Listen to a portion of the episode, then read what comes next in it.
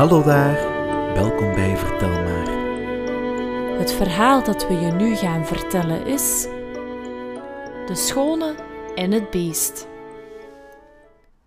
Er was eens een koopman die, voor hij naar de markt ging, aan zijn drie dochters vroeg welk geschenk zij wensten bij zijn terugkeer.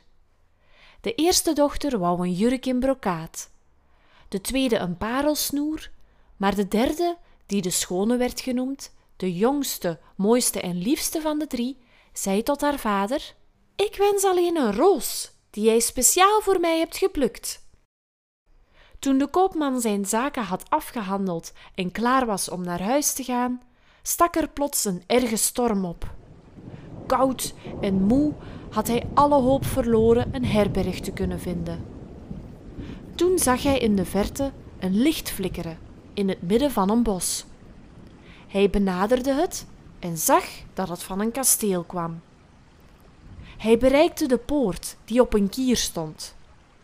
Niet tegenstaande hij luidkeels riep, kwam er niemand hem begroeten. Hij ging naar binnen.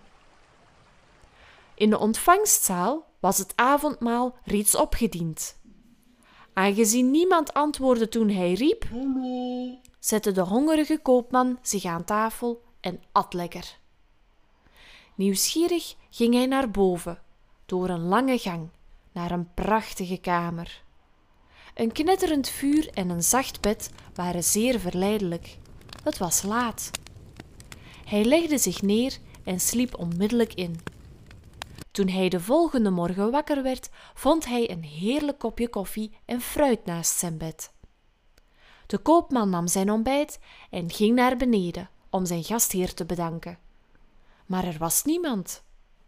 Hij begaf zich in de tuin, waar hij een grote rozenstruik zag. Plots herinnerde hij zich zijn belofte aan de schone en wou net een roos plukken, toen een vreselijk beest in prachtig gewaad tevoorschijn sprong. Een angstwekkende stem snauwde. Jij ondankbare man. Ik gaf je onderdak, heb je eten gegeven en je sliep in mijn bed. En om mij te bedanken steel je mijn lievelingsbloemen. Ik ga je doden. Bevend van schrik viel de koopman op zijn knieën voor het beest. Vergeef me, dood me niet. Ik zal alles doen wat je zegt. De roos was niet voor mij, maar voor mijn dochter, de schone. Ik had haar een roos beloofd bij mijn terugkeer. Ik zal jouw leven sparen, op voorwaarde dat je mij jouw dochter brengt. De doodsbange koopman beloofde dat hij het zou doen. Thuisgekomen vertelde hij met tranen in de ogen zijn vreselijk avontuur. De schone stelde hem gerust. Mijn lieve vader, maak je geen zorgen. Ik zal naar het kasteel gaan. De koopman kuste zijn dochter. Ik heb nooit getwijfeld dat je van mij houdt. Dank je wel om mijn leven te redden. De schone begaf zich naar het kasteel. Tot haar verbazing was het beest heel vriendelijk. Eerst was het meisje erg bang van het beest. Toen bemerkte zij dat, niet tegenstaande de vreselijke kop van het beest, haar angst geleidelijk begon te verdwijnen. Ze had een van de mooiste kamers in het kasteel en zat vaak te borduren voor het vuur, terwijl het beest stilzwijgend naast haar zat. Hij begon af en toe een paar aardige dingen te zeggen en zij begon zijn gezelschap te waarderen.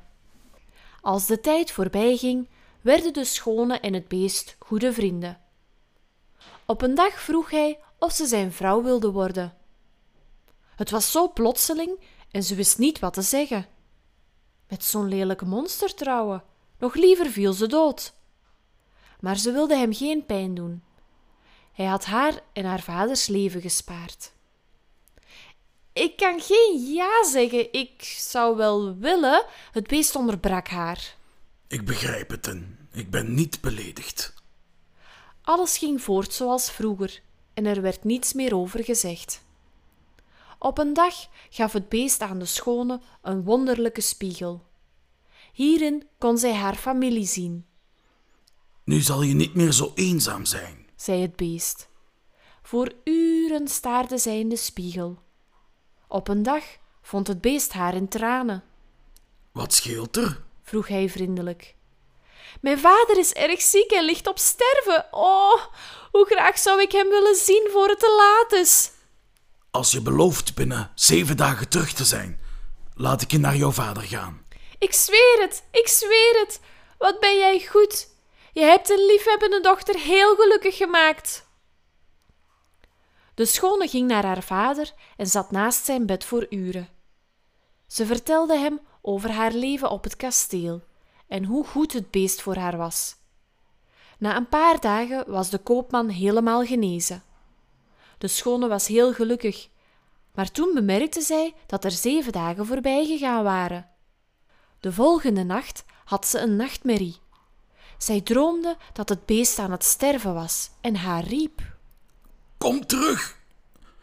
Kom terug! smeekte het.